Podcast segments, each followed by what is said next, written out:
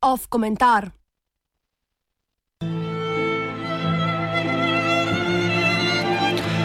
Komu se ne bi smilil otrok? Grško-turška kopenska meja. Na tisoče ljudi je obtičalo v tako imenovani črni coni, kjer so procesirani z namenom vračanja v državo izvora.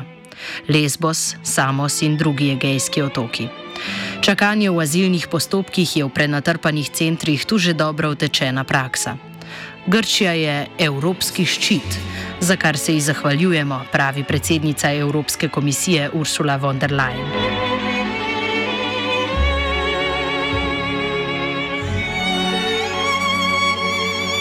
Unija je Grčiji po naznanitvi turškega predsednika Ređepa Tajipa Erdogana, da za begunce živeče v Turčiji odpira mejo, ne mudoma poslala pomoč, predvsem v obliki policijskih sil za varovanje evropske meje.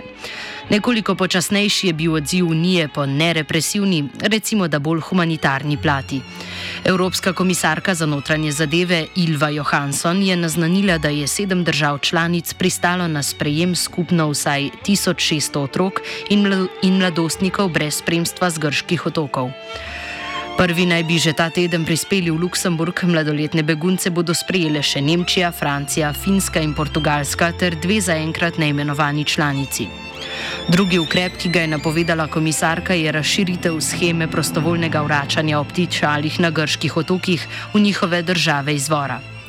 Pod okriljem mednarodne organizacije za migracije se vračanja dogajajo že sedaj. EU bo organizaciji nakazala 2000 evrov na osebo, ki se želi vrniti. Gre za tiste, katerih možnosti za pridobitev azila v Uniji so nizke, naprimer Afganistance. Schema Unije bo odprta za mesec dni le za tiste, ki so v Grčijo prišli pred 1. januarjem.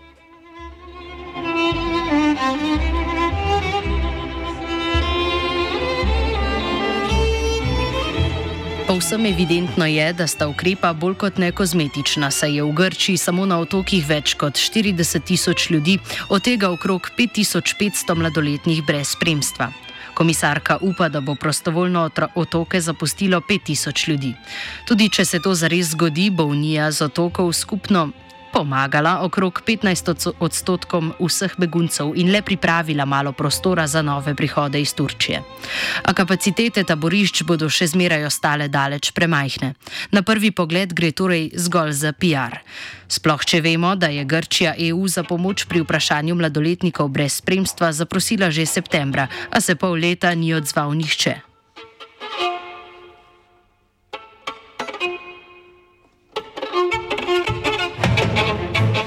Ta PR služi pranju lastne vesti.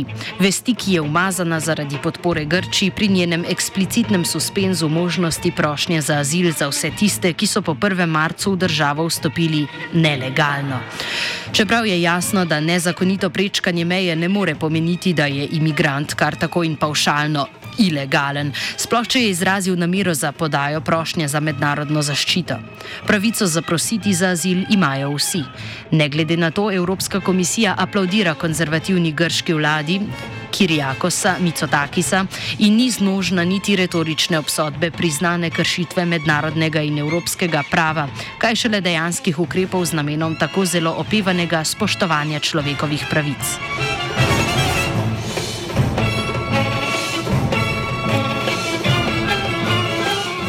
Silva Johansson je denimo poudarila, da pravice do azila ne moremo suspendirati, a je v primeru situacije na grško-turški meji ostala tiho in izrazila željo, da bi o dogajanju na terenu izvedela več, kot da posnetki streljanja in potapljanja čovnov ne povedo dovolj. Komisija v primeru Grčije ravna po istem principu kot na Hrvaškem. Po uradnem stališču komisije je dolžnost nacionalnih organov, da preiščejo morebitne kršitve mednarodnega in nacionalnega prava. V oktobrskem poročilu komisije o hrvaški pridružitvi šengenskemu območju spoštovanje človekovih pravic pri sicer več kot uspešnem varovanju zonanih meja Unije sploh ni omenjeno.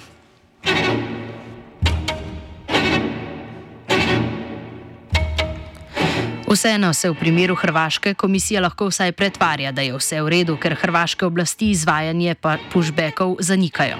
Grčija je po drugi strani možnost prošnje za azil suspendirala uradno s predsedniškim dekretom. Notranji ministri Evropske unije so se na izrednem zasedanju zavezali, citiramo: Ilegalni prehodi ne bodo tolerirani. V tem oziru bodo EU in njene države članice sprejele vse potrebne ukrepe v skladu s pravom EU in mednarodnim pravom.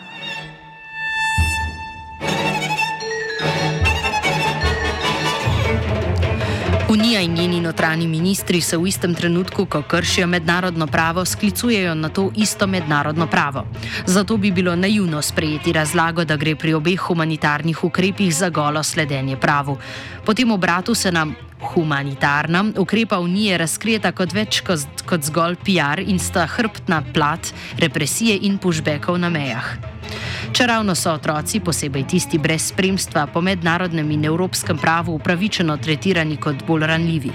Posledično Dublinska uredba za mladoletnike brez spremstva uvaja posebne kriterije za odločanje o pristojnosti za obravnavo prošnje za azil, ki izhajajo iz spoštovanja načela največje koristi otroka. A če je ukrep napovedan skupinsko, pravice temelijo na individualni obravnavi prosilcev za azil.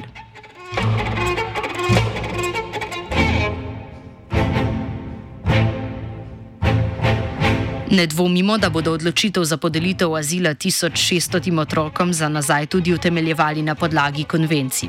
Vendar prav tako ne dvomimo, da se bodo pod pravnimi razlagami skrivali dejanski razlogi. V splošnem gre za izpeljavo humanitarnosti z usmiljenja. Komu se ne bi smilili otroci brez prihodnosti zaprti v taboriščih? Objekt usmiljenja je nujno postavljen v podrejen položaj glede na empatične in razsvetljene evropske subjekte. Še večji problem je poseben vidik, ki mu usmiljenje nudi podlago, da mora pomoči vreden begunec biti nedolžna žrtev. In otrok je po definiciji nedolžen.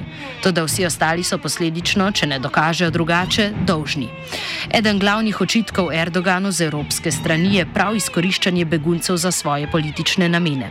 Nedolžnost je tako postal osrednji koncept za upravljanje migracij, ali negativno posredovano prek dolžnosti. Prek dolžnosti, pardon, prek kriminalnosti in ilegalnosti. Da si lahko kriv ne po svojih dejanjih, ampak zgolj po svojem poreklu, je dokaz naprimer, naprimer Afganistan. Ukrep prostovoljne vrnitve v zameno za 2000 evrov pa je tako rekoč predčasna deportacija.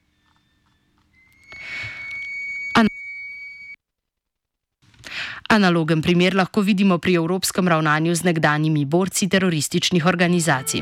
Ko gre za državljane evropskih držav, je bil dosedaj repatriiran le en sam moški, ki mu je bilo v Italiji tudi sojeno. Tudi do vračanja žensk so v evropskih državah zelo zadržani, a se te lahko včasih pridružijo svojim otrokom. Število repatriiranih otrok sicer relativno gledano ni veliko, a ga lahko vsaj štejemo v stotinah. Otroci so namreč kot objekti usmiljenja in nosilci nedolžnosti primeren neukročeni material za asimilacijsko dresuro. Tu smo priče propadu integracijskega pristopa, kajti integracija naj bi pomenila medsebojno prilagajanje, asimilacija po drugi strani pa enostransko podreditev azilantov. Namesto da bi države svojim državljanom sodile, premišljujejo in v nekaterih primerjih to celo počnejo, o tem, da bi jim oduzele državljanstvo. Svoj notranji problem pa izvozijo v Sirijo in Irak, tako kot problem migracij v Bosno, v Grčijo, v Turčijo, v Severno Afriko. Med begunci in teroristi je seveda vsaj tako velika razlika kot med vodo in kisom. Toda pravi čarovniki javnega mnenja so zmožni vodo spremeniti v kis.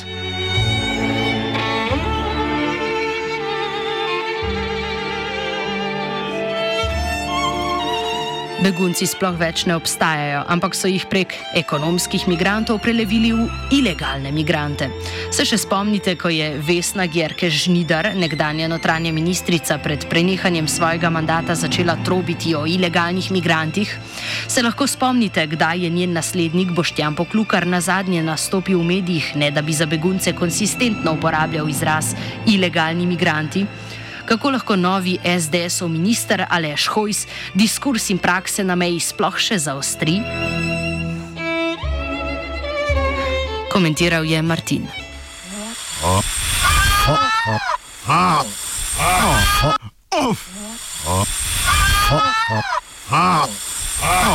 Off komentar.